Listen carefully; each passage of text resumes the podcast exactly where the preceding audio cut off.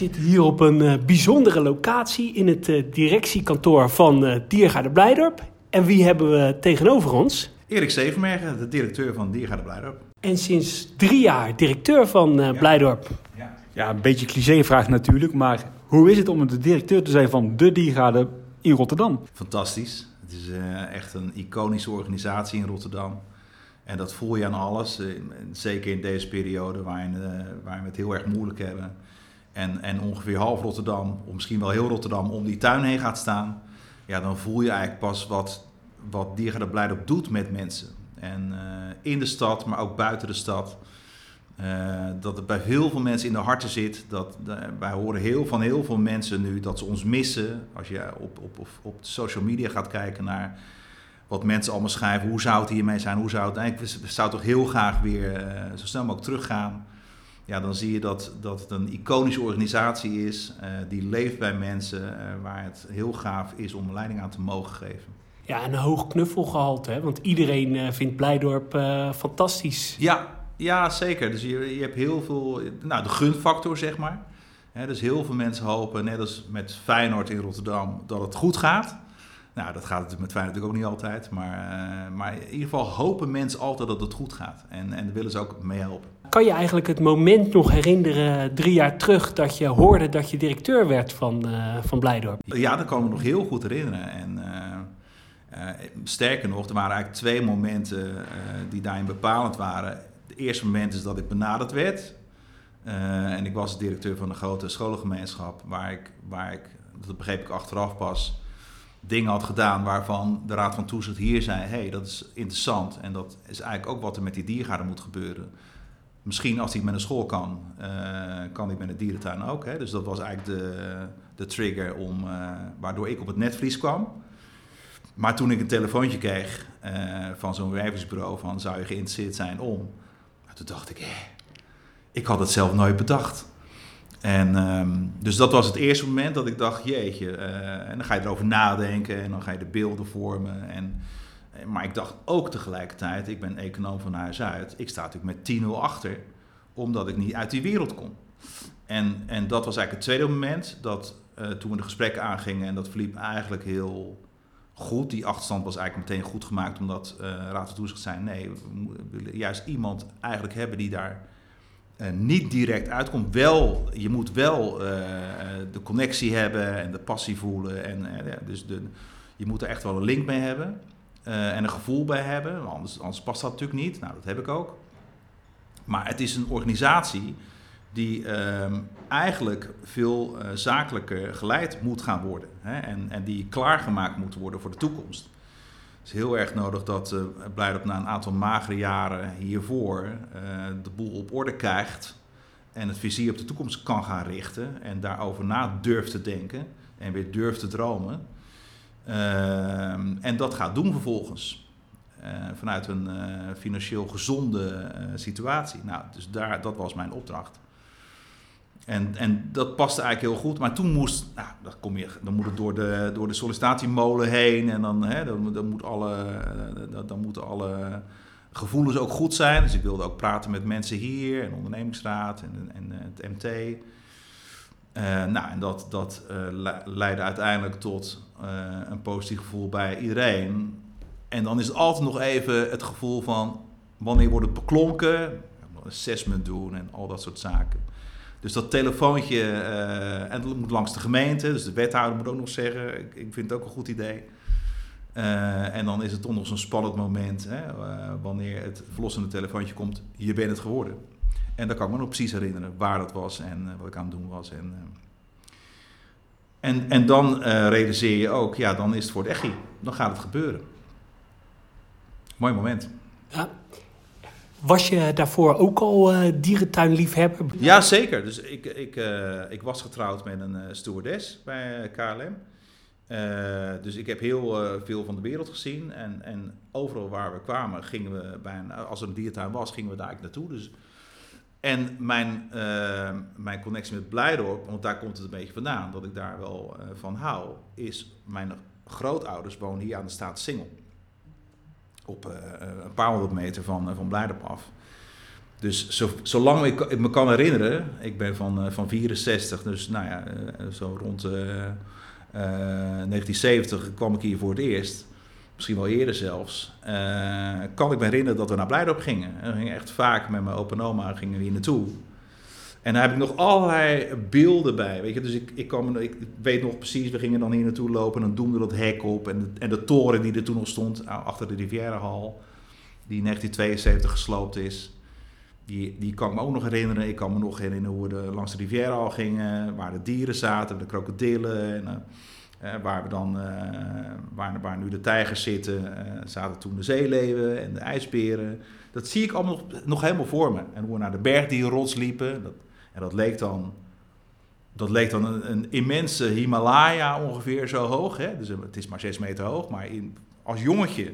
Dus dat zijn die beelden die ik heb. En dat is ook de, de affiniteit die ik met dierentuinen heb. Dus heeft me altijd heeft het me verwonderd en uh, het heeft altijd een aantrekkingskracht op me gehad. Dus ik ging een paar keer per jaar, niet dat ik zoals jullie echt uh, 50 per jaar, dat, dat, had ik niet. Maar ik ben wel getriggerd altijd door natuur geweest.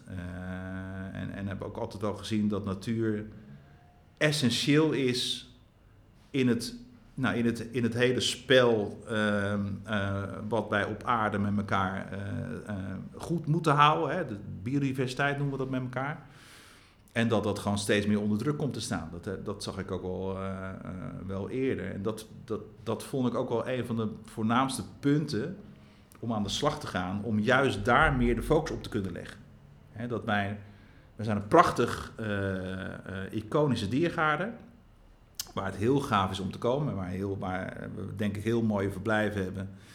Uh, die mensen verwonderen. Uh, maar wij moeten een stip op de horizon hebben waarbij wij zeggen, het gaat om meer dan dat. Dus wij, wij zijn ook echt voor soortbehoud. Wij, wij participeren in meer dan 80 voetprogramma's. Maar wij, wij moeten ook een veel prominentere rol gaan spelen op het gebied van natuurbehoud in de wereld. Daar moeten we eigenlijk een, moeten we veel meer in voorop willen lopen, meewerken uh, als het gaat om onderzoek, maar ook echt bijdragen. En, en, en nou, dat, dat staat allemaal in ons masterplan, waar we anderhalf jaar aan gewerkt hebben. En wat onze stip op de horizon nu is, gelukkig. Uh, maar ik denk ook dat het verder gaat dan dat. Dat, dat het eigenlijk je bestaansrecht is. Dat je, dat je als dierentuin in de huidige context, waarin de maatschappelijke discussies over dierentuinen ook steeds scherper gevoerd worden, dat meer dan ooit zo'n masterplan en, uh, en inhoudelijke stip op de horizon, dat dat nodig is om je bestaan uh, mee te legitimeren. Uh, het was een hele ehm, dubbele week vorig jaar. De presentatie van het uh, masterplan. Dat ja. was uh, fantastisch op een zondag met de vrienden van Blijdorp. De trouwe fanclub van, van Blijdorp. Ja. En twee weken later ging de dierentuin dicht. Ja ja, hoe, uh, hoe, hoe, een grote paradox is er bijna niet. Nee, dat was, dat was een, een, een werkelijk een bizarre periode. En, en, en ik zei net, we hebben anderhalf jaar gewerkt aan het masterplan. Uh, dat gaf zo'n geweldige boost in de tuin ook en, en, en goede energie. We waren er helemaal klaar voor. En, en in de laatste maand, in de finalisering van het masterplan, zagen we natuurlijk... Er is iets aan het, aan het gebeuren in de wereld en het komt op ons af. En we die datum van 8 maart uh, gepland. En we hebben ook uh, op een gegeven moment nog gezegd: van, ja, moeten we dat nou nog doen? En dit, maar, maar toen was nog echt in de, in, de, in de tijd dat per dag ongeveer de inzichten veranderden. En uh, we hebben toen gezegd: we gaan het toch doen. Uh, 8 maart, en ik kan me nog zo goed herinneren dat, we, ehm, dat, we, dat ik daar stond en, en wist: ja, het is er. Uh, het mag er zijn en het is onze stip op de horizon, maar er komt iets aan wat, wat echt wel impact gaat hebben.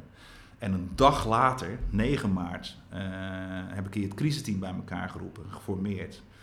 En een week later, 16 maart, waren we dicht. Ja. Voor de eerste keer sinds de Tweede Wereldoorlog.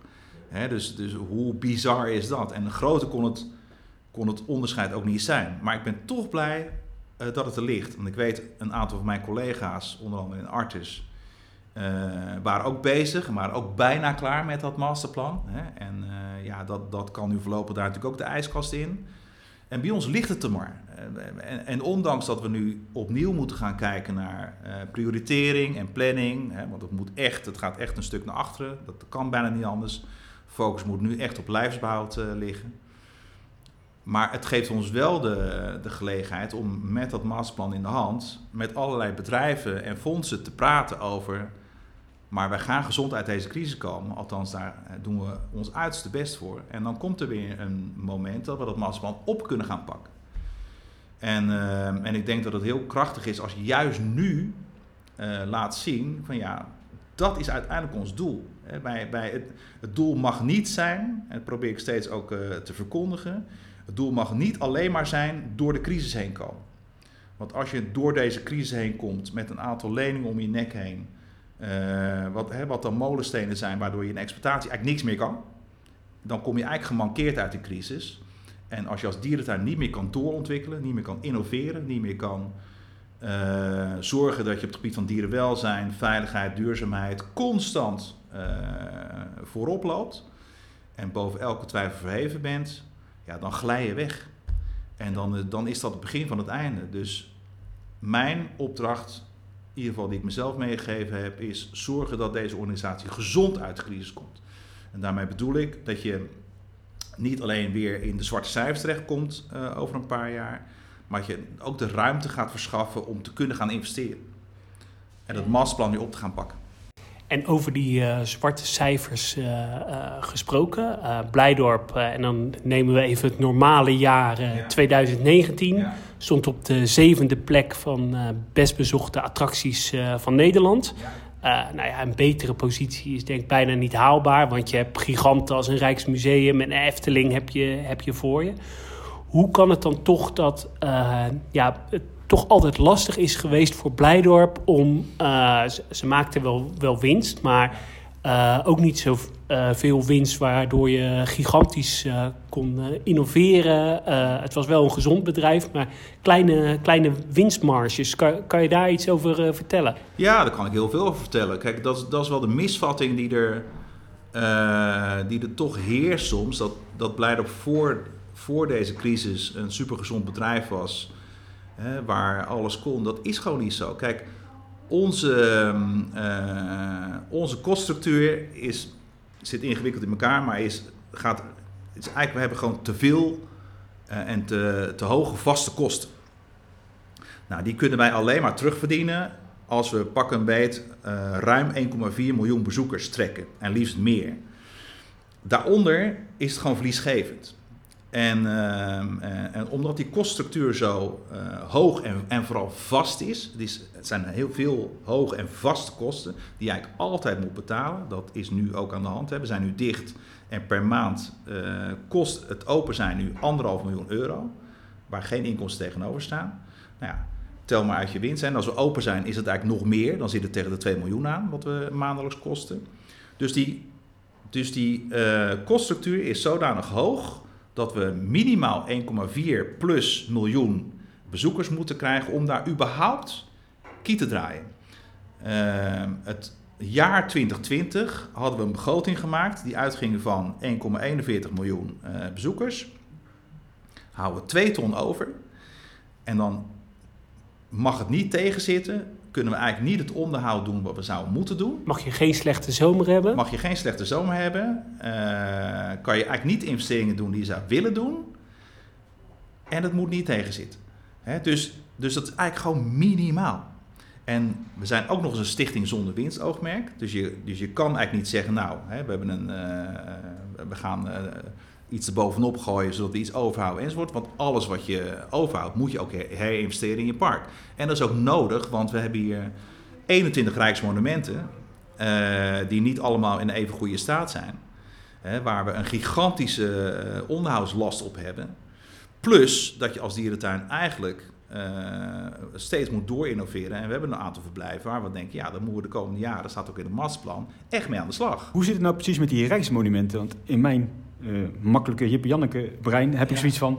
Rijksmonumenten, die moeten het Rijk betalen. Waarom is daar zo'n enorme kostenpost in voor blijven? Ja, nou, dat, uh, dat dacht ik in het begin ook. Hè. Rijksmonument, oh, dus het is van het Rijk en die uh, doen dat. Dat is helemaal niet zo. Hè, Rijksmonumenten gaat eigenlijk puur om dat, de, dat er een beschermde status is... en dat je een onderhoudsplicht hebt. Maar vervolgens moet je dat onderhoud zelf uitvoeren en zelf betalen. Ja, en dat is bij een aantal rijksmonumenten, hebben dat eigenlijk met een beetje hulp van de gemeente en een aantal fondsen kunnen doen. Hè, maar bij een aantal nog niet.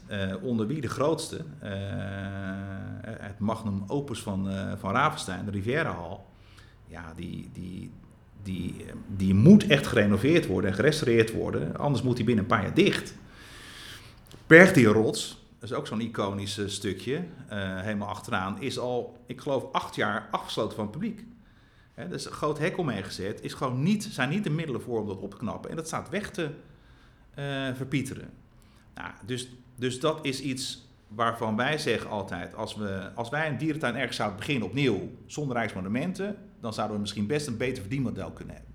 Maar in dit verdienmodel, met die uh, rijksmonumenten, met de, de context die wij hebben, met een oceanium wat heel veel van ons vraagt als het gaat om onderhoud, ja, dan, dan is dat verdienmodel eigenlijk niet genoeg meer.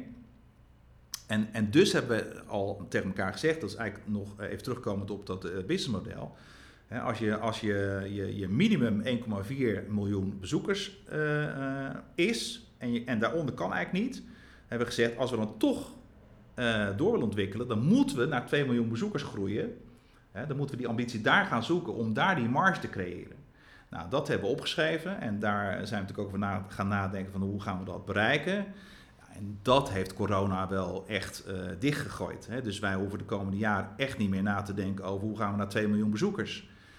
Onze voornaamste uh, zorg zal zijn hoe komen we terug bij die 1,4 miljoen. Het afgelopen jaar gaan we nu afsluiten met 800.000 bezoekers. 600.000 minder dan we begroot hadden. De helft minder dan vorig jaar. Hadden we een heel goed jaar. Ja, dat slaat een gigantisch uh, gat in de begroting. En dat is ook de zorg voor de toekomst. Dit is, zal niet de laatste crisis zijn. Uh, dit soort virussen, mutaties daarvan, zullen vaker voorbij komen. er kan ook een andere crisis zijn, hè, maar we moeten rekening houden met dat er eens in de zoveel jaar een klap op ons afkomt die we, die we meer en zelfstandiger moeten kunnen doorstaan. En hoe ga je Blijdorp in de toekomst financieel gezonder maken? Nou, wij zeggen, dat is, dat is ook wel het, het uitgangspunt van de herstructurering die we nu aan het doorvoeren zijn, dat wij ehm, toe moeten naar een lagere, lager niveau van vaste kosten. En, de, en een groter flexibel deel. dus als je in de toekomst te maken krijgt met nieuwe klappen, met nieuwe crisis, dan moet je eigenlijk sneller kunnen afschalen.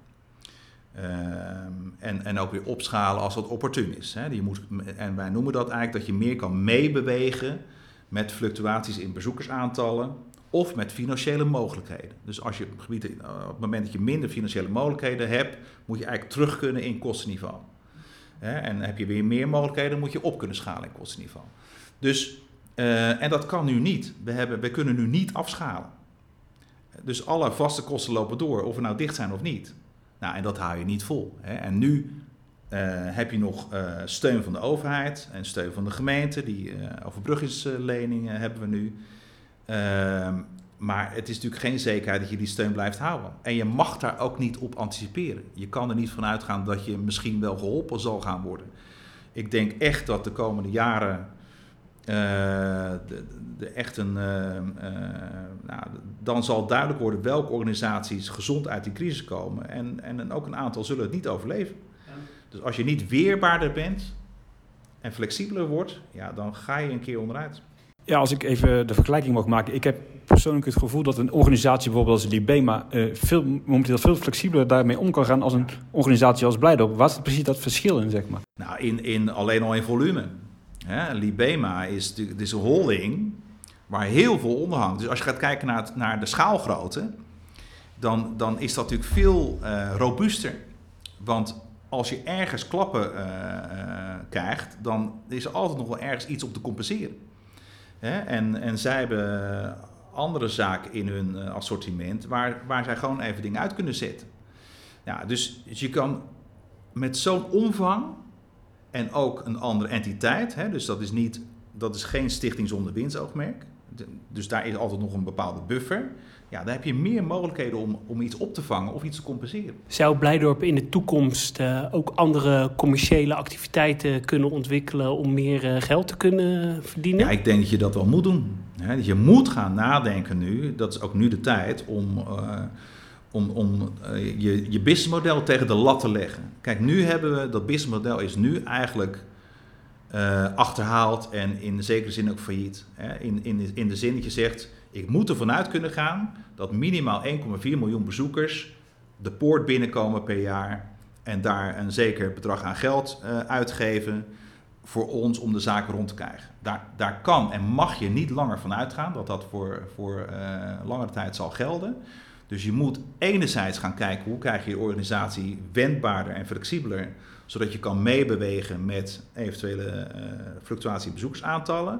Maar je moet ook gaan kijken, moet je al het geld wat je verdient hier verdienen? Kan je niet andere manieren verzinnen om geld te verdienen? Hè, het kan ook zijn dat we dat, we, uh, dat Bluitenblijdorp misschien meer moet gaan onderzoeken. Zoals bijvoorbeeld? Nou, dat kan bijvoorbeeld via onderzoek, dat wij samenwerken met universiteiten om bepaalde dingen voor elkaar te krijgen, die dan misschien ook geld opleveren. Het kan ook zijn dat je, dat, je, dat, je, dat je bijvoorbeeld dingen opneemt hier uh, en kan laten zien die je, die je extern uh, streamt en die je dan uh, moet betalen. Dat, dat gebeurt al mondjesmaat ook in andere dierentuinen. Maar dat kan misschien nog veel meer. Hè? Dus dat je, dat je mensen, ook als dierentuin dicht is, eigenlijk uh, uh, virtueel in die dierentuin kunt laten rondlopen tegen betaling. Nou, dan heb je het al over iets wat je bovenop je verdienmodel kan doen. En wat je ook kan doen als de dierentuin dicht is. Hè, of als de dierentuin minder bezoekers uh, kan hebben. En zo zijn, er nog, zo zijn er echt nog andere dingen die je, die je echt kan verbeteren. Ehm, augmented reality is ook zoiets wat je, wat je echt kan onderzoeken. Uh, daar zijn ook verschillende mogelijkheden voor. Uh, nou, die, die je in je businessmodel misschien kan verwerken. En wat gewoon meer mogelijkheden geeft om ofwel in het dierentuin ofwel buiten de dierentuin uh, geld mee te kunnen verdienen. de zakelijke markt is natuurlijk ook voor dierentuinen ja, van belang. grote bron van inkomsten. De zakelijke markt die gaat naar alle waarschijnlijkheid ook veranderen in de toekomst. Ja, hoe, hoe groot is dat probleem? Ja, dat is, dat is een gigantisch probleem. Je ziet dat de evenementenbranche dat die eigenlijk uh, bijna volledig op zijn gat ligt nu. Uh, en, en dat die eigenlijk het jaar 21 al helemaal afgeschreven hebben. Dat, ze, dat, ze nu, dat ze nu hun pijlen al richten op 22. Uh, misschien dat er ergens in het najaar nog wat kleinere evenementen kunnen plaatsvinden, maar grotere evenementen zeker niet, daar geloof ik niet in. Uh, dus ook daar zal een soort reset moeten plaatsvinden. Hè. Die, moeten, die, moeten, die moeten zichzelf ook opnieuw uitvinden. Van ja, wat betekent dat nou voor ons? En um, als je het hebt over evenementen bijvoorbeeld in dierentuinen. Ja, dan hebben wij nu ook gezegd van dat, ja, dat kunnen wij voorlopig even niet doen. Hè. Uh, en, en ook daarvoor geldt weer, wij hebben nu wel de kosten daarvoor. Uh, die we gewoon doorbetalen. Hè. Eigenlijk al bijna een heel jaar lang. Terwijl we daar nauwelijks inkomsten tegenover hebben staan. Nou, daar hou je gewoon niet vol. Dus ook daar moet je gaan nadenken. Doe je dat flexibel of niet? En je moet goed nadenken over hoe zie je evenementen in de toekomst in je businessmodel. En je moet steeds ook bedenken, het is geen kernactiviteit. De kernactiviteit in een dierentuin is het verzorgen van dieren en in ons geval plant. En, en dat je dat met state-of-the-art verblijven en een waanzinnige beleving als dierentuin, dat moet je, dat moet je en je rol in natuurbehoud, dat moet uh, uh, de basis zijn van je bestaansrecht. Maar je kan wel zeggen, commercieel gezien is het wel, zou het interessant zijn om te kijken hoe kan je nou dat aanvullen, bijvoorbeeld met evenementen, maar in Blijdorp geld. Hè, we, hebben, we hebben eigenlijk dat nog, nog relatief hartstikke goed gedaan. vorig jaar nog een prijs gewonnen zelfs, met beste evenementenlocatie van Nederland omdat ook heel veel maatwerk wordt gegeven. En er wordt heel erg meegedacht met de klant van hoe kunnen we uh, dat het beste vormgeven. Maar je ziet dat eigenlijk met name de grotere evenementen, hè, met een paar honderd tot misschien wel een paar duizend man, en, en die hebben we dan een aantal keer per jaar, ja, dat levert nog geld op. En de kleinere evenementen, ja, dan, dan mag je net uh, hè, hopen dat je kiet draait. Ja, en dat zie ik ook niet zo snel meer uh, terugkomen. Hè, dus, dus, en in ieder geval kunnen we daar nu niet op anticiperen. Dus voor nu moet hij zeggen, ja, dat doen we gewoon even niet. En we bouwen dat nu ook af. Even uh, los van uh, corona, ja, dat is moeilijk te zeggen natuurlijk, want corona is, is onder ons. Blijdorp was in de jaren 90, begin 2000 uh, een van de meest innovatieve dierentuinen van Europa, misschien wel van de wereld, met een oceanium, met een Taman Inda. Uh, hoe wil uh, Diergaarde Blijdorp eigenlijk ja, met het ontwikkelen van het masterplan eigenlijk weer behoren tot de ja, innovatieve koploper, nou ja, zeker in Europa? Nou, dat begint met een financieel gezonde bedrijfsvoering. Hè, waarin je zelf een investeringsruimte gaat creëren. Want, wat, dat is iets wat ik wel al langer geleerd heb. Uh, je kan nooit zo partijen binnenhalen die iets voor je gaan doen terwijl je zelf niks doet. Je moet zelf het eerste incentive uh, doen. Je moet, je moet uh, daar ook een, echt een eigen budget bij kunnen leggen. En dan hopen, en daar doen we natuurlijk ons best voor. We hebben een afdeling strategische partnerschappen die heel erg druk is met allerlei bedrijven. proberen aan te haken op die plannen. Hè, zodat we dat met elkaar kunnen gaan doen. En... Um, ja, dat is wat je nodig hebt. Dus dat je enerzijds uh, een goed plan hebt. Dus het begint altijd met een goed plan. Nou, daar hebben we het masterplan voor gemaakt. En, en per deel van dat masterplan gaan we natuurlijk nog verder uitwerken hoe we dat zien. Hoe we de, uh, de vormgevingen zien van zo'n nieuw verblijf. Als we dadelijk een nieuw huis voor Bokito gaan bouwen met zijn uh, groep. Ja, dan moet dat natuurlijk... Dat moet bijvoorbeeld klimaatpositief zijn. Dat moet op het gebied van duurzaamheid moet dat state of the art zijn. Maar het moet ook zodanig zijn dat, dat de dieren daarin uh, optimaal hun natuurlijk gedrag kunnen vertonen. dus dat moet, dat moet zo natuurlijk mogelijk zijn. Dat moet de context van hun natuurlijke leefomgeving zo goed mogelijk nabootsen. Het moet ook nog voor de verzorgers zo goed mogelijk ingericht zijn om uh, de dieren te kunnen verzorgen. Het moet voor bezoekers ook zo goed mogelijk zijn om de dieren te kunnen zien van verschillende kanten. Dus er zijn heel veel uh, facetten waar je rekening mee moet houden. Nou, en dat moet allemaal eigenlijk top of the bill zijn. Dus je moet, en om dat te kunnen doen, moet je zelf een gezonde basis hebben.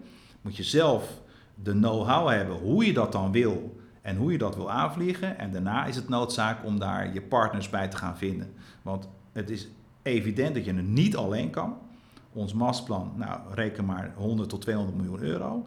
Ja, daar, daar moet je een substantieel deel van met externe financiering voor elkaar krijgen. En over uh, uh, strategische partnerschappen gesproken. Als je kijkt naar de museumwereld, is het bijvoorbeeld heel gebruikelijk. Uh, het Rijksmuseum heeft bijvoorbeeld grote sponsorschappen ja. met Philips, met een KPN. Hoe, hoe staat Blijdorp daar tegenaan? Of zijn jullie daar actief naar op zoek? Ja, zeker. We staan daar open voor. En we staan daar steeds meer open voor.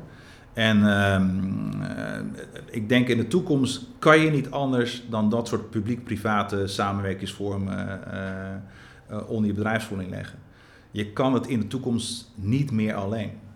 Als je de ambitie hebt om te doen wat wij willen gaan doen en, en voorloper wil zijn, nationaal, maar misschien zelfs al internationaal, Europees of misschien wel zelfs wereldniveau, ja, dan, dan, dan heb je fondsen nodig die daar uh, echt een bijdrage kunnen leveren. En ik denk, als je dat echt wil en je wilt waarmaken, dan moet je echt groot denken.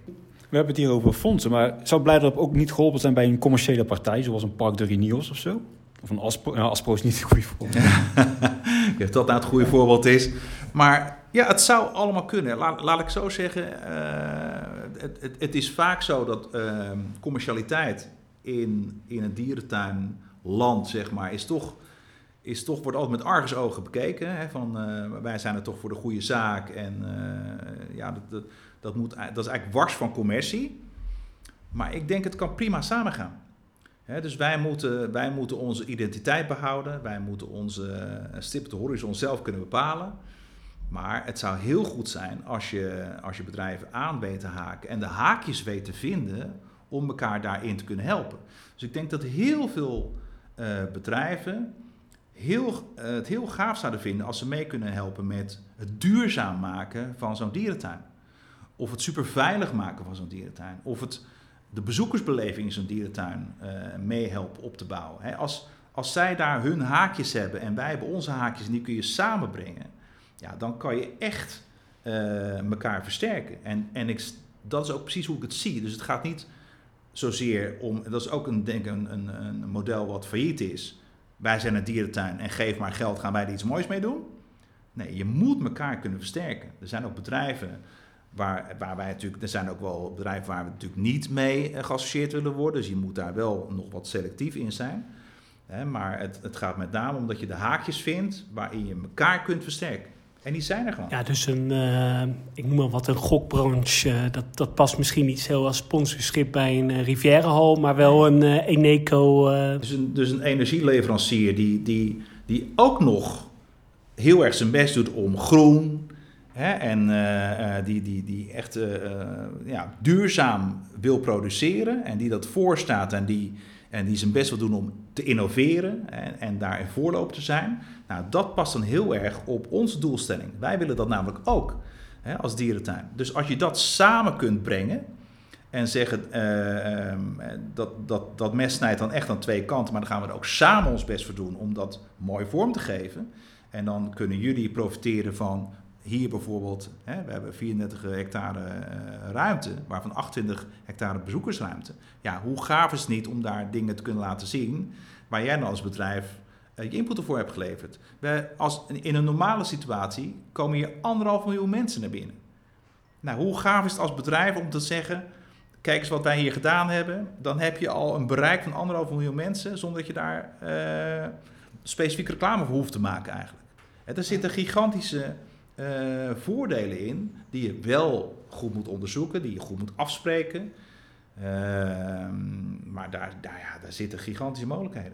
Als je uh, kijkt naar de, naar de rol van de gemeente, en dan uh, kijken we ook even naar het, uh, het buitenland. Ja. Bijvoorbeeld in Duitsland, waarin veel kleinere dierentuinen miljoenen, bijvoorbeeld de dierentuin van Münster is vorige week gestart met een tropenkast van 22 miljoen. Volledig betaald door de gemeente. Uh, Hannover, Berlijn, maar ook een dierentuin als uh, Antwerpen. Uh, die krijgen veel meer steun van de gemeente. Zou de gemeente Rotterdam ook niet nog meer hun verantwoordelijkheid moeten laten zien en laten zien hoe belangrijke parel we hier in Rotterdam in handen hebben? Ja, nou, een van de aspecten die ik de laatste, laatste jaar zeker wel gevoeld heb, is dat de gemeente ook heel erg betrokken is. En dus die, die, die, die zeggen ook Blijdorp is een parel uh, van Rotterdam. En tegelijkertijd uh, heeft, heeft de gemeente ook niet zoveel geld in kas dat ze zeggen, dan kunnen we maar gewoon ieder jaar uh, heel veel geld bijleggen. Dus ik, ik vind ook dat je vanuit goed, goede bedrijfsvoering in de basis moet zeggen, een organisatie moet zijn eigen broek op kunnen houden. Alleen, we hebben uitdagingen als je bijvoorbeeld kijkt naar die rijksmonumenten, ja, waar we het niet alleen kunnen. Nou, het zou mooi zijn dat die insteek zou ik willen kiezen, dat de gemeente bijvoorbeeld zegt, als jij met een goed plan komt voor uh, het restaureren van zo'n rijksmonument, dan willen wij daarbij helpen. He, dus dat je op incidentele basis, kijk, structurele exploitatiesubsidie, daar geloof ik niet zo in. ik vind toch dat je in de kern nogmaals je eigen broek op moet kunnen houden. Dat je ook uh, daar proactief in je best moet doen. Dat hoort ook bij ondernemerschap. Maar bij de opgaven waar je, uh, waar je, die je niet alleen kan uh, handelen, en dat gaat het echt, nou, zo'n Riviera is dan een mooi voorbeeld. Ja, daar zou de gemeente, denk ik, zijn verantwoordelijkheid wel moeten nemen. Want zeggen, daar gaan we dan ook bij helpen. En misschien niet alleen de gemeente, maar het zijn niet voor niks rijksmonumenten. Dus het Rijk ook zegt, nou, laten we dan de handen in elkaar slaan. En daar uh, met, met elkaar achter gaan staan. Nou, als dierentuinliefhebbers hebben wij allemaal rijkhalsend uitgekeken naar het uh, masterplan. Uh, zijn er allemaal super enthousiast over.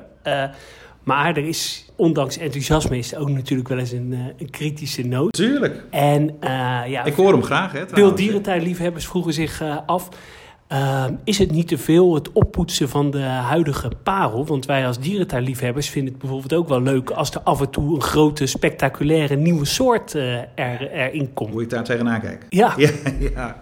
Nou ja, eh, dat snap ik heel goed hè, vanuit uh, dat perspectief. Maar ik moet, kijk, ik moet als directeur kijken wat, wat, wat voor opgaven heb ik hier. En um, kijk, ik denk dat wij een, uh, nog steeds, we waren van oudsher al, maar een dierentuin zijn we een hele diverse collectie. We hebben ruim 600 diersoorten, uh, ruim 20.000 individuen.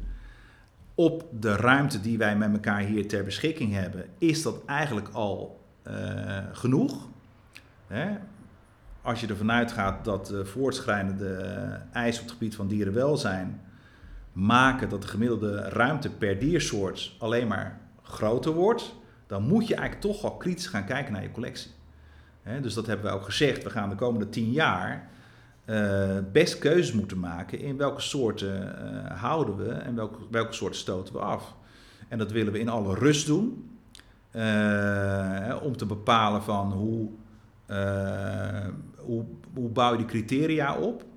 je, een van de dingen die ik bijvoorbeeld geleerd heb, die ik ook echt interessant vind om te zien, is als je gaat kijken naar de maat van bedreigdheid, hè, dan zou je misschien makkelijk zeggen, nou laten we dan eens beginnen met alleen maar bedreigde diersoorten.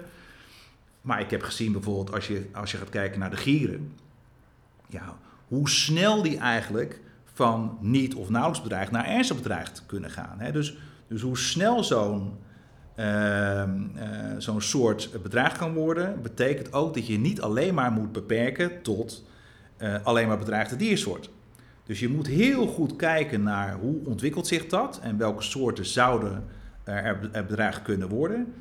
Uh, maar aan de andere kant moet je ook durven zeggen, ja, soorten die niet bedreigd zijn, waar misschien niet het hele goede verhaal over te vertellen valt, ja, moet je die dan nog wel houden? En, en daar moet je over na durven denken.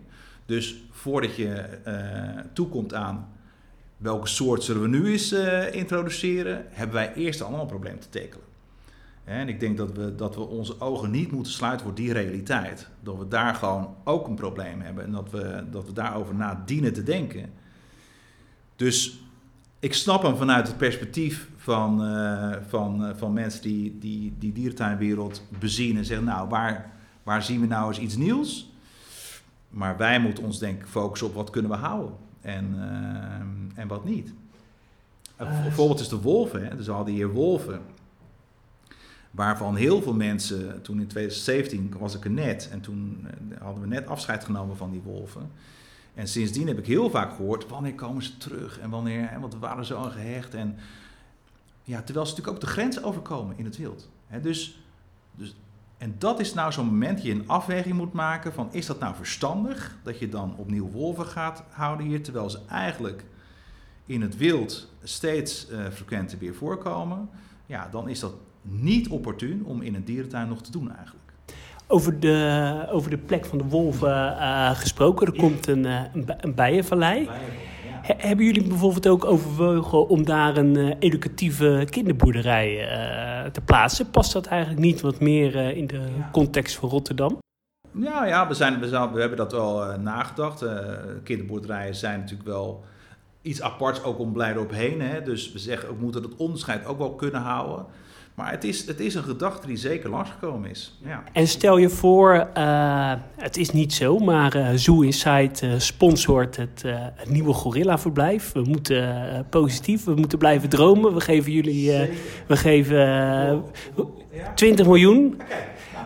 Okay. hoe, hoe, hoe, hoe gaat dat Gorilla-verblijf er in jouw dromen uitzien? Nou, slaat masterplan ja. open. Hè? Er staat een visual in het masterplan. Ja, ja, nou, ik ben daar vorig jaar geweest.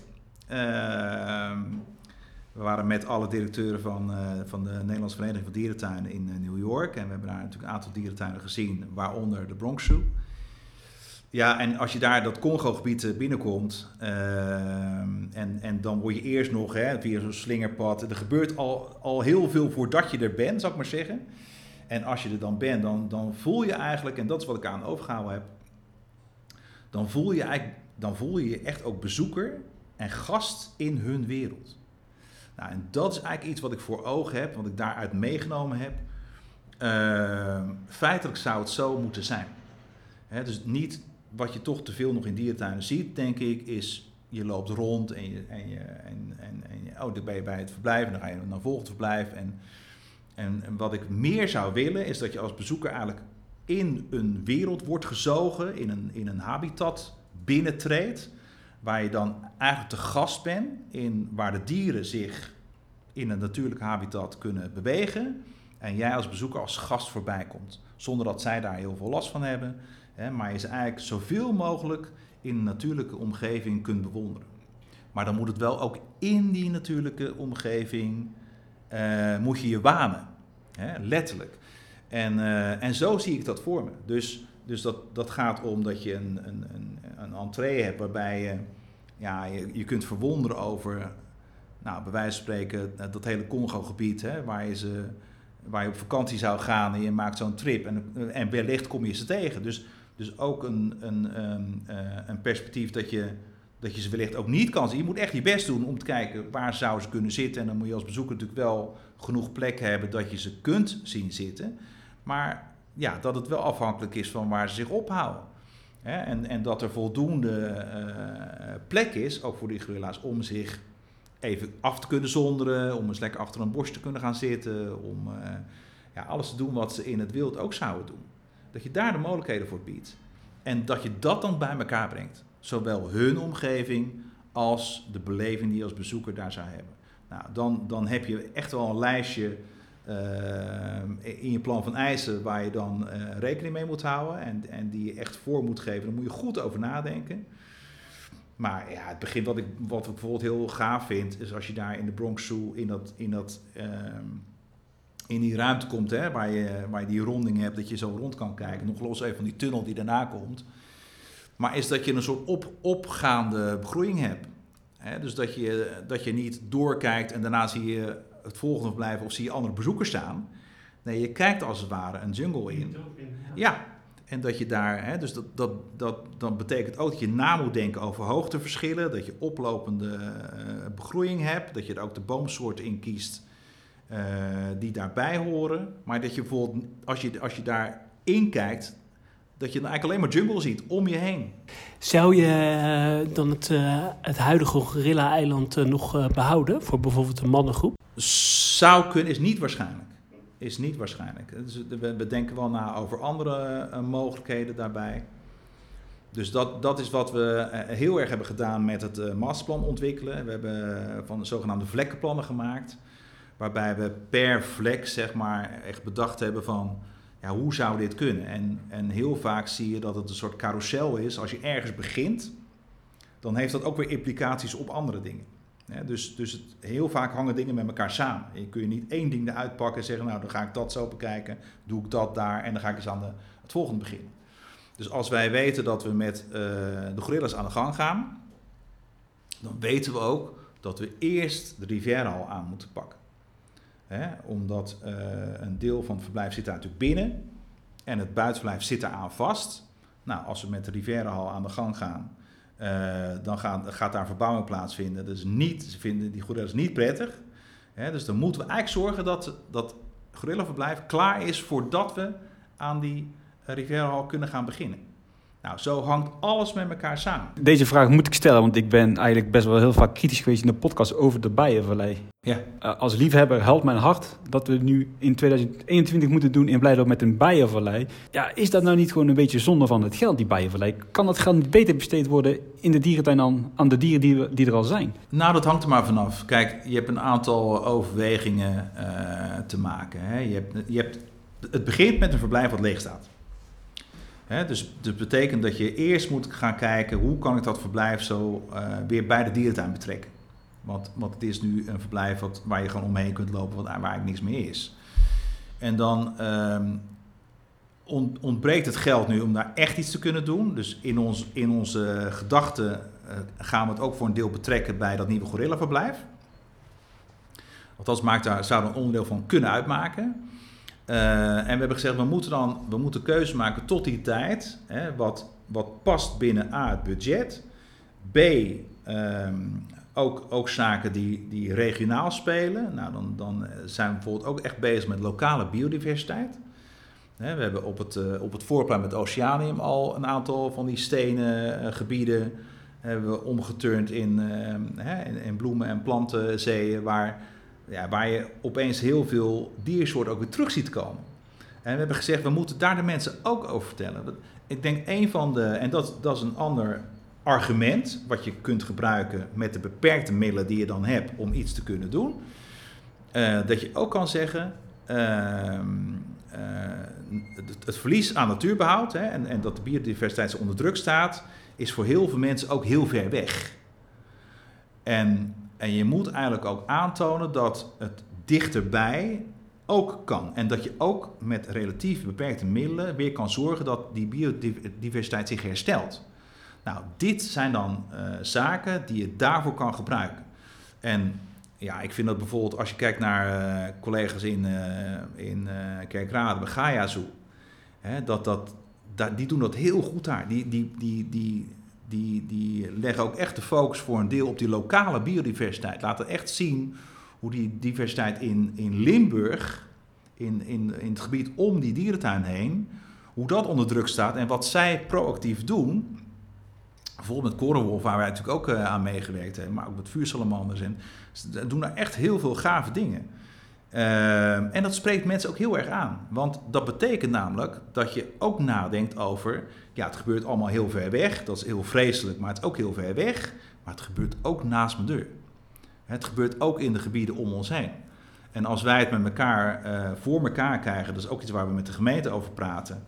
Van joh, kunnen wij ook veel meer de lokale en misschien ook wel de stadsbiodiversiteit en de stadsnatuur veel meer laten zien en weer daarin meehelpen, ja, dan snijdt dat mes ook weer aan een aantal kanten.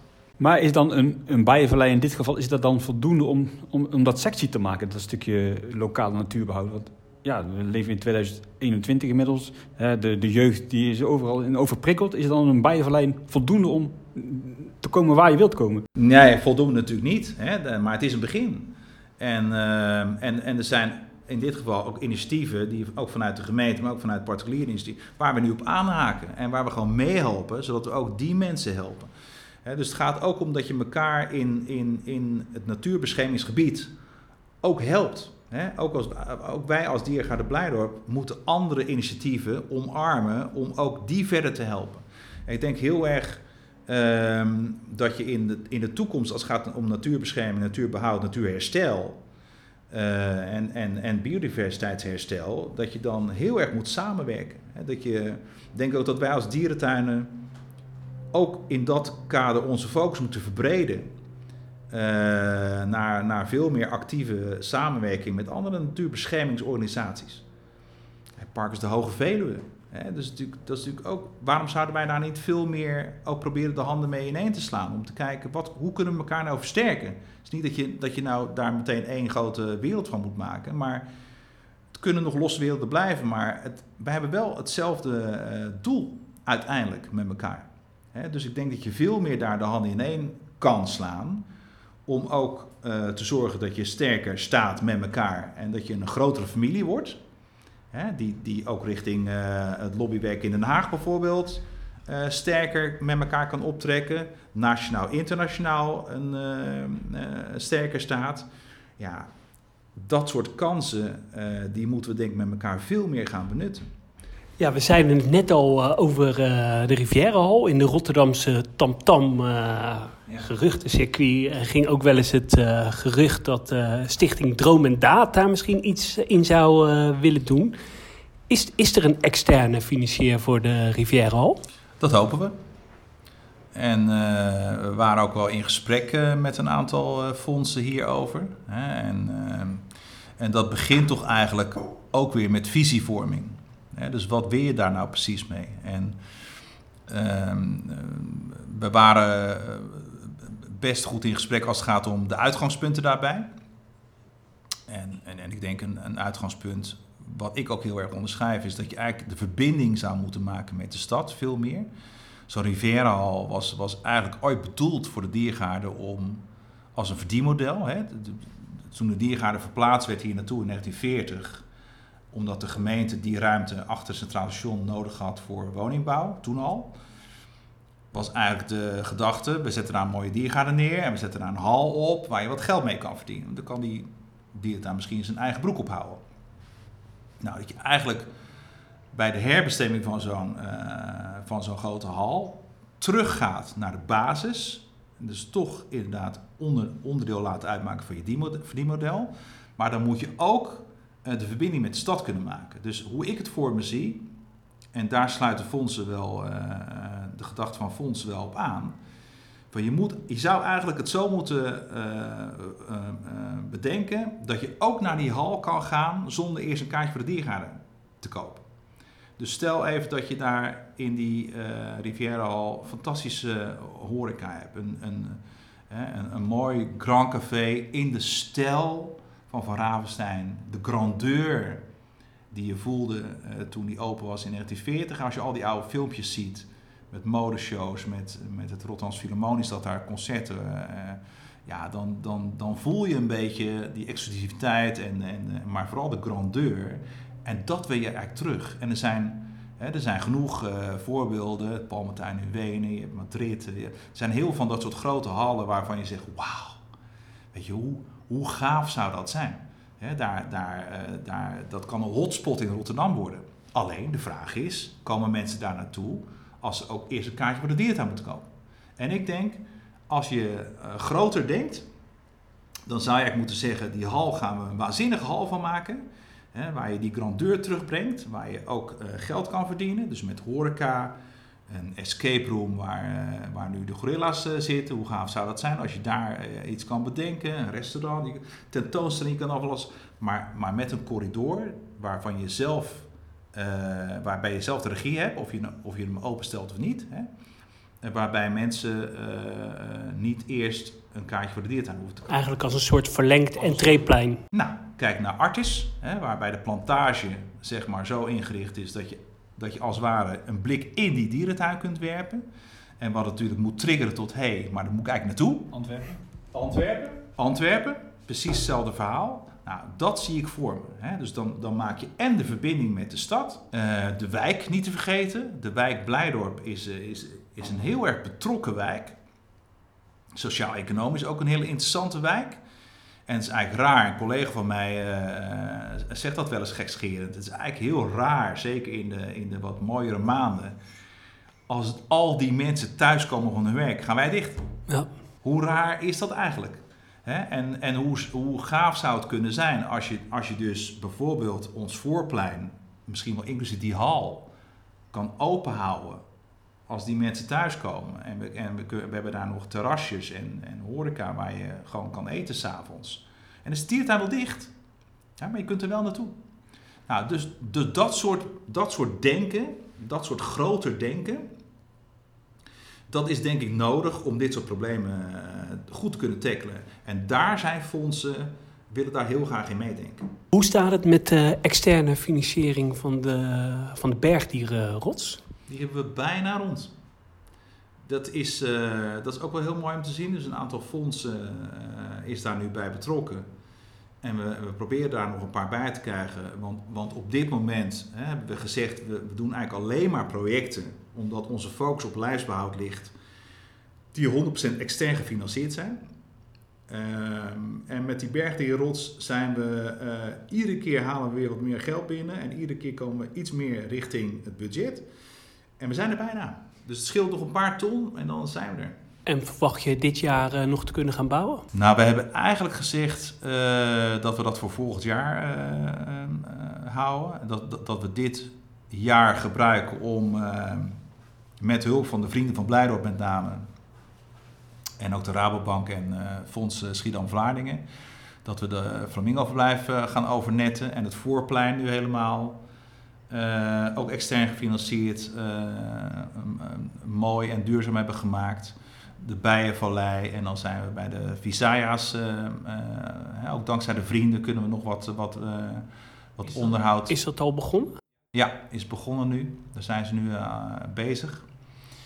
Ehm, dus dat maken we dan dit jaar af. En dan is eigenlijk volgend jaar hopen we aan die berg die rots te kunnen beginnen. Ja, het, het realiseren hè, van hier bijvoorbeeld de flamingo verjaren en bijvoorbeeld het geladenverblijf en nu ook de bergengods, dat, dat duurt eigenlijk altijd nou ja, best wel heel lang in Blijdorp. Waarom duurt dat, dat, dat zo lang en hoe is dat in het masterplan 2030 uh, verweven om ja, te voorkomen dat het altijd zo lang duurt? Ja, het, was een terugkerend probleem, klopt. Toen ik binnenkwam uh, was het Gelada-project eigenlijk al uh, gaande en al te lang gaande. Het was toen eigenlijk al over de tijd heen en over het budget heen. Dus ik heb me daar wel uh, behoorlijk over verwonderd. Ik snap aan de ene kant ook wel weer hoe het gaat, maar het is niet goed. Um, kijk, de, de, de oorzaken zijn divers. Je hebt te maken met een welstandscommissie bij de gemeente. Dus voordat je zo'n rijksmonument hebt herbestemd, en zeker nog als er met van die, eh, die, die, die, die buizen en zo, eh, over netting. Ja, daar komt heel veel bij kijken. En, ehm, en dus we hebben heel lang, althans voor mijn tijd, is er heel lang eh gesteggeld met die welstandscommissie over hoe dat precies eruit moet komen te zien. Dat heeft dan te maken met vergunningen. Daarna gaat het heel erg over hoe, hoe willen verzorgers dat het goed ingericht is. En, en je ziet ehm, eh, wat zich heel erg wreekt in dat soort, eh, met dat soort projecten, is dat wij een dierentuin zijn. Dus wij zijn een dierentuin en wij zijn goed in het runnen van een dierentuin. Eh, en dat gaat dan met name natuurlijk over verzorgen van dieren en planten en, en de logistiek en bezoekers enzovoorts. En dat is niet projectmanagement van zo'n groot project. Daar hebben wij gewoon te weinig verstand van. Ehm, en dus loopt het iedere keer uit de klauwen. Nou, dus ik heb gezegd, we moeten, als wij dat goed willen doen en we willen met dat masterplan goed beslaagd ten ijs komen. En het gaat heel vaak in die, in die wereld van, krijg je dat financieel rond om vertrouwen? Hebben, hebben investeerders, hebben financiers vertrouwen in dat je dat in de tijd, in het budget voor elkaar krijgt? Dan zullen wij iets eh, eh, veel beter moeten doen dan nu. En daar moeten we dingen voor gaan bedenken. Nou, en, en de dingen die we daarvoor bedacht hebben is enerzijds als het gaat om ehm, die Rijksmonumenten, is dat we, dat we de visie op orde moeten hebben. Het begint namelijk altijd met visie. Dus de eerste vraag van zo'n welstandscommissie is, hoe kijk je ernaar? Vanuit welke visie is er gedacht? En, en tot nu toe was het iedere keer van ja, hier kijken we zo en daar kijken we zo. En, en, en dat is natuurlijk voor zo'n welstandscommissie heel ingewikkeld. Die willen eigenlijk een soort van basisplan hebben. Eh, waar we het ook over eens zijn. En dan dat je iedere keer terug kan grijpen op dat basisplan. En zeggen, nou, vanuit die basisgedachte zien we dit, zien we dat, zien we zus, zien we zo. En dat is wat we nu gedaan hebben. Dus we hebben een, een hele herijking van visie laten doen door Steenhuis Meurs. Er ligt een heel goed basisplan nu. Voor het hele eh, rijksmonumentale deel van de tuin. Waar, waar de welstandscommissie ook helemaal in meegenomen hebben. Dus, dus we zijn het nu eens over de basis. En dat scheelt al een slok een borrel. Hè? Dus dat betekent dat de, dat de toekomstige projecten, zeg maar dat eh, het hele traject naar een vergunning en naar hoe moet het precies uitzien, dat dat veel sneller hopelijk zal gaan. Tweede is, dan ga je zo'n project beginnen en dan moet je de expertise eigenlijk eh, op de goede manier inhuren die zo'n project tot een goed einde brengt. En nogmaals, dat kunnen wij niet allemaal zelf. Hè. Daar zullen we ook echt betere kaders moeten maken. Daar zijn we ook mee bezig. Om, om vanuit de regie van Blijdorp, dus wij moeten uiteindelijk zorgen dat, dat de dingen die wij daar belangrijk in vinden, dat die op goede plek krijgen en dat die ook eh, gebeuren en voor elkaar komen. Maar je hebt externe hulp nodig die dat proces strak trekt. En die alle kikkers in de emmer houdt. eh, want er zijn heel veel partijen bij betrokken. En, dat, en, en, die, en, die, en die hebben allemaal hun eigen wensen. En het moet allemaal zus, het moet allemaal zo. En dan moet dat voor wijken. En, moet, en, nou, en dat betekent uiteindelijk dat allemaal, dat allemaal dingen zijn die extra geld kosten, die extra tijd kosten. Ja, en dat moet je zoveel mogelijk aan de voorkant getackeld hebben.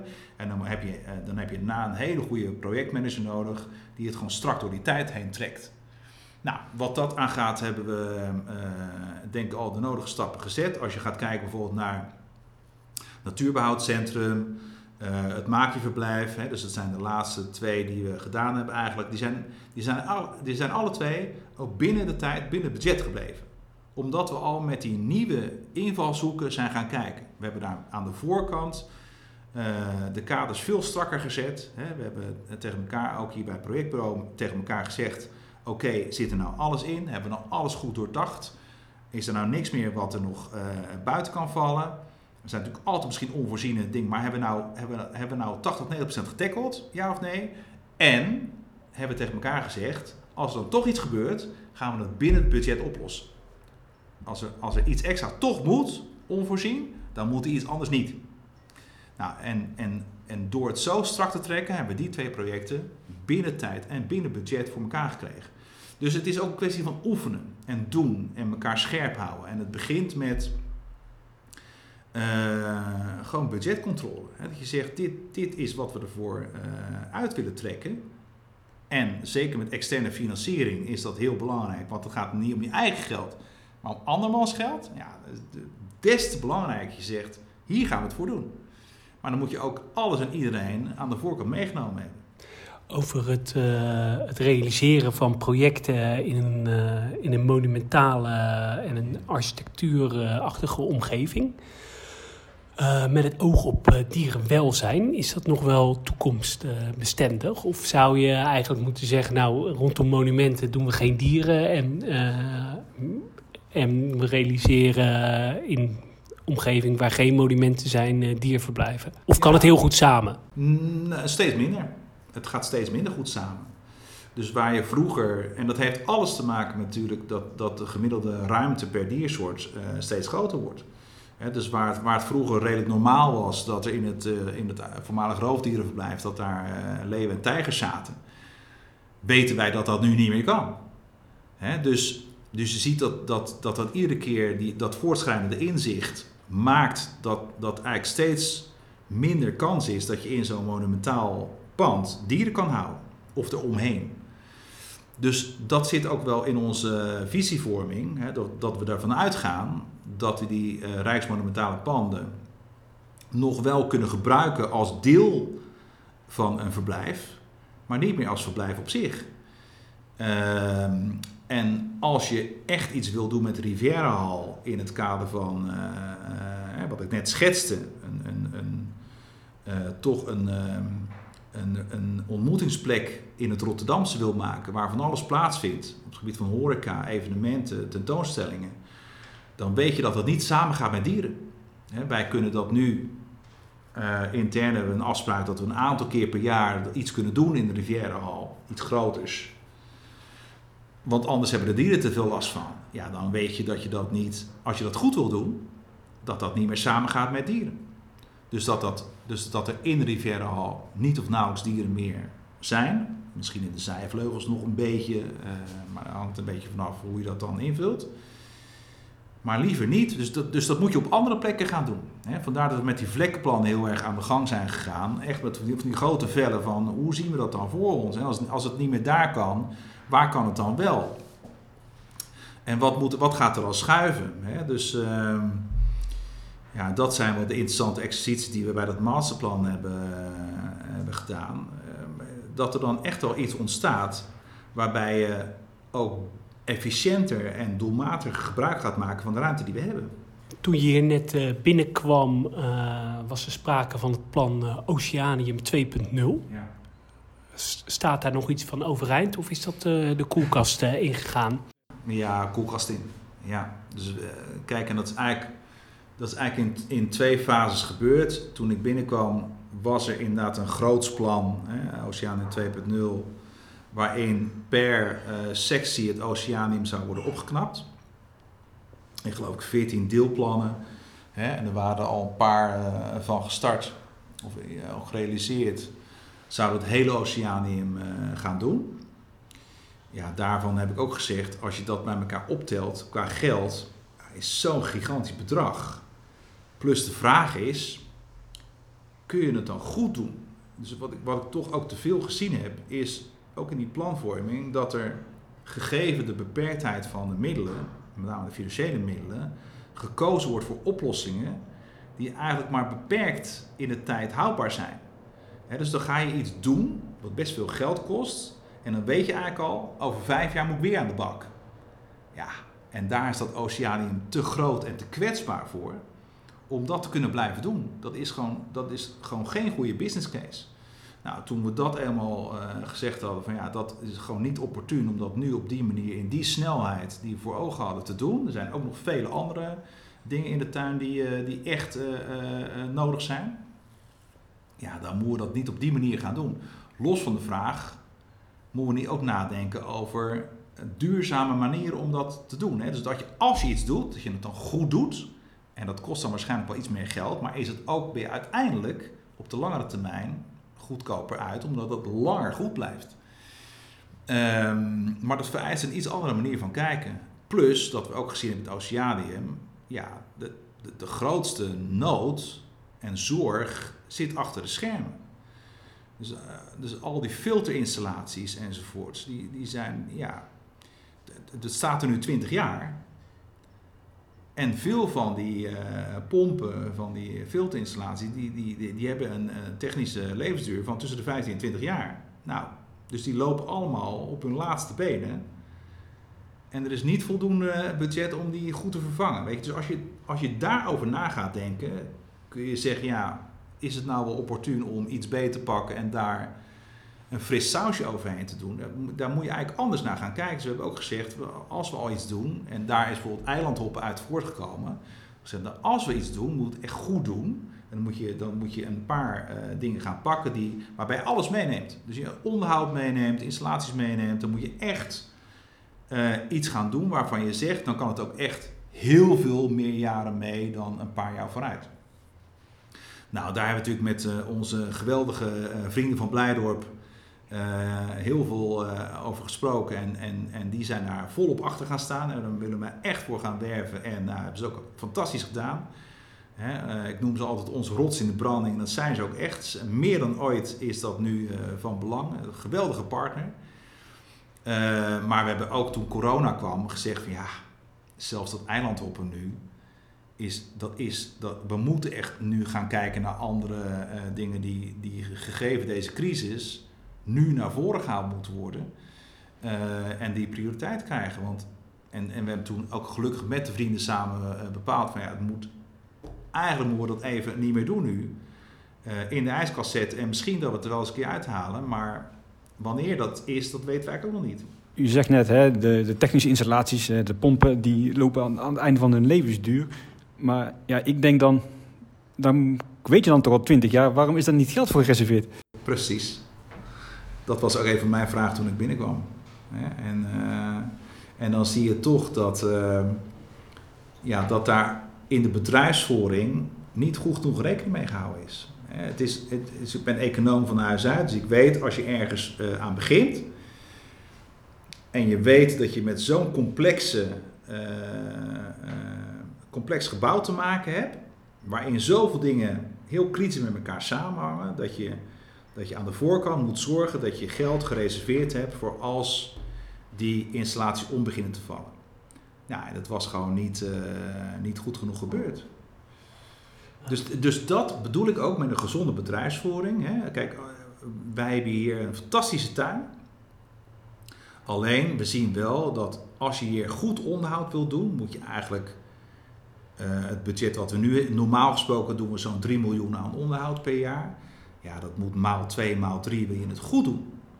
En, en, dat je ook, en dat je ook aan de voorkant bij dit soort ingewikkelde, complexe gebouwen zegt: oké, als we het fatsoenlijk willen doen, moeten wij aan de voorkant nu zorgen dat als over 10, 15, 20 jaar dit soort installaties beginnen om te vallen, dat we meteen uh, een kast open kunnen trekken en zeggen: hier is gereserveerde geld om dat te doen. Dat is fatsoenlijke bedrijfsvoering. Nou, daar, daar moeten we naartoe. Hè, dat we dat, uh, en daar waren we al mee bezig trouwens. Hè, dus we waren echt al op, op weg om dat uh, echt beter te doen. En daar moeten we echt weer naartoe. Dat noem ik ook gezondheid deze crisis komen. Dat daar een goed fundament ligt. Dat je weet dat al dat soort zaken in de toekomst fatsoenlijk van de grond kunnen worden, worden opgebouwd. Hè? Met, met al dat soort zekerheden ingebouwd. Om als laatste positief te eindigen. Stel je voor, de directeur van uh, de dierentuin van Berlijn komt hier en nou, die geeft je een rondleiding. Waar ben je dan het meest trots op? Welk, welk plekje in Blijdorp? Oh, zo, dat is een moeilijke vraag zeg, jeetje. Nou, ik ben wel heel trots op, en dat is wel voor mijn tijd, om als je, als je gaat kijken nu naar de savanne, hè, met met hoe de giraffe, hoe dat daar vormgegeven is. Ik bedoel, dat kan allemaal nog veel beter, maar dat is echt wel een plekje waar iedere keer als ik daar langs loop, denk ik, ja, dit is toch heel gaaf. Hè? En ook met, met het uh, combineren van diersoorten. Uh, dus met, met de koeroes erbij en, en, en, wat er nog achter ligt met zebra's. Ja, dat is wel hoe je een dierentuin wil zien. Hè? Dat, dat je eigenlijk op de savanne waant en je hebt daar de blik die je ook in Afrika zou hebben, dat, dat is eigenlijk wat je wil. Hè? Dat, je dat, dat je die natuurlijke habitats uh, goed vormgeeft. Nou, Moerpanthers vind ik ook zo'n mooi uh, stukje. Daar kom je ook echt een beetje wat ik in New York gezien heb, dat je Dat je in die jungle eh, getrokken voelt en daar hè, dieren in zo natuurlijk mogelijke habitat eh, eh, hun natuurlijk gedrag ziet vertonen. Ja, dat is eigenlijk wat je wil. Zijn, er zijn heel veel mooie dingen hoor, die ik, eh, eh, die ik voor me zie. Maar ik denk, wat, wat ik ook nog wel eh, vind, is dat je, je moet het ook als een geheel zien. Dus wat ik hier ook wel in Blijdorp vind, we hebben hier ook een prachtige tuin in de samenhang. Die heel veel aspecten heeft. Dus we hebben een, we hebben een Rijksmonumentaal deel, we hebben een Niel deel. En dat kan nog veel beter hè, in elkaar gestoken worden. Maar het is ook wel gewoon een heel, hele gave dierentuin. eh, om als geheel te bekijken. Ehm, kijk, wij waren ook vorig jaar in Chester. En, en, en wij hoorden natuurlijk aan de voorkant, ik was er nog nooit geweest. Van ja, dat is het summum. Hè? Dus als je daar, als je daar naartoe gaat, dan, dan zie je hoe, eh, hoe het ook kan. Hè? Top Champions League, waar wij nog top Eredivisie. eh. en toen kwamen we daar. En toen, toen zag ik ook veel dingen waarvan ik dacht, nou, hebben wij, hebben wij eigenlijk misschien wel beter voor elkaar nog zelfs. Of, dus het was ook een soort moment dat ik dacht, nou, eigenlijk hebben wij wel ook een, echt een hele gave dierentuin. En, en dat er nog heel veel dingen beter en, eh, en, en dat we door moeten ontwikkelen, ook evident. Maar zo slecht is het helemaal niet. Hè? Dus, en, en zeker ook als ik bij mijn collega's van de NVD kom. ehm, en dat een beetje kan vergelijken met wat ik in het buitenland gezien heb. En weet hoe ze daar ook struggelen eh, af en toe.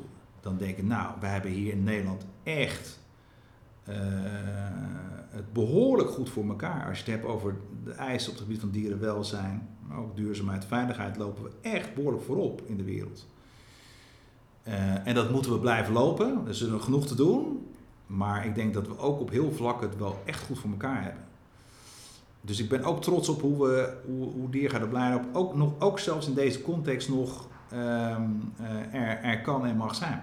Tot, tot slot, eh, ja, iedereen wil nu natuurlijk Blijdorp gaan sponsoren, gelukkig. Daar roepen we ook altijd voor op. Hoe kunnen mensen bijdragen om Blijdorp er weer bovenop te helpen?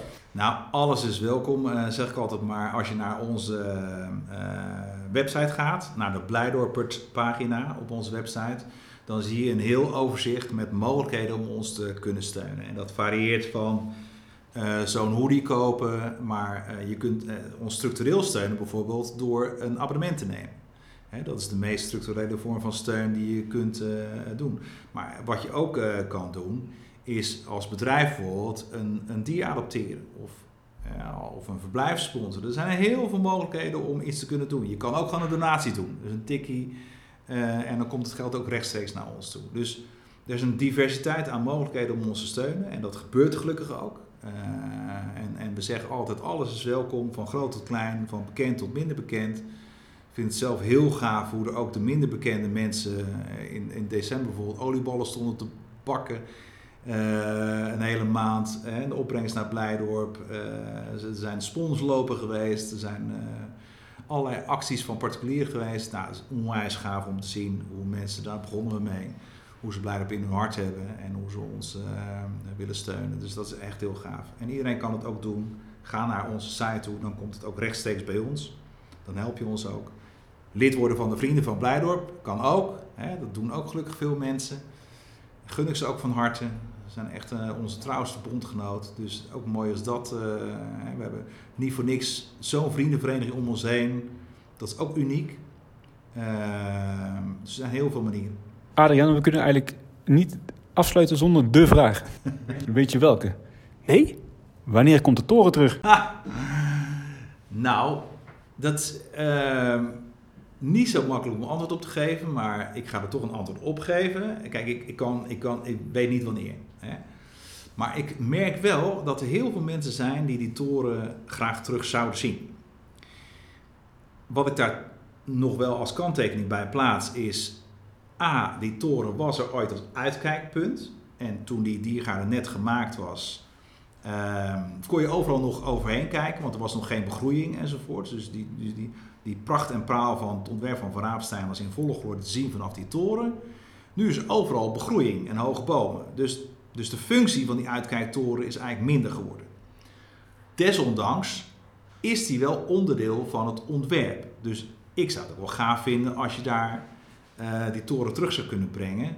Eh, en dan moet je goed nadenken over hoe je dat vormgeeft en wat je er dan in kan doen enzovoorts. Maar ik heb altijd gezegd, ook in de gesprekken met uh, fondsen, hartstikke gaaf die toren, maar eerst de hal.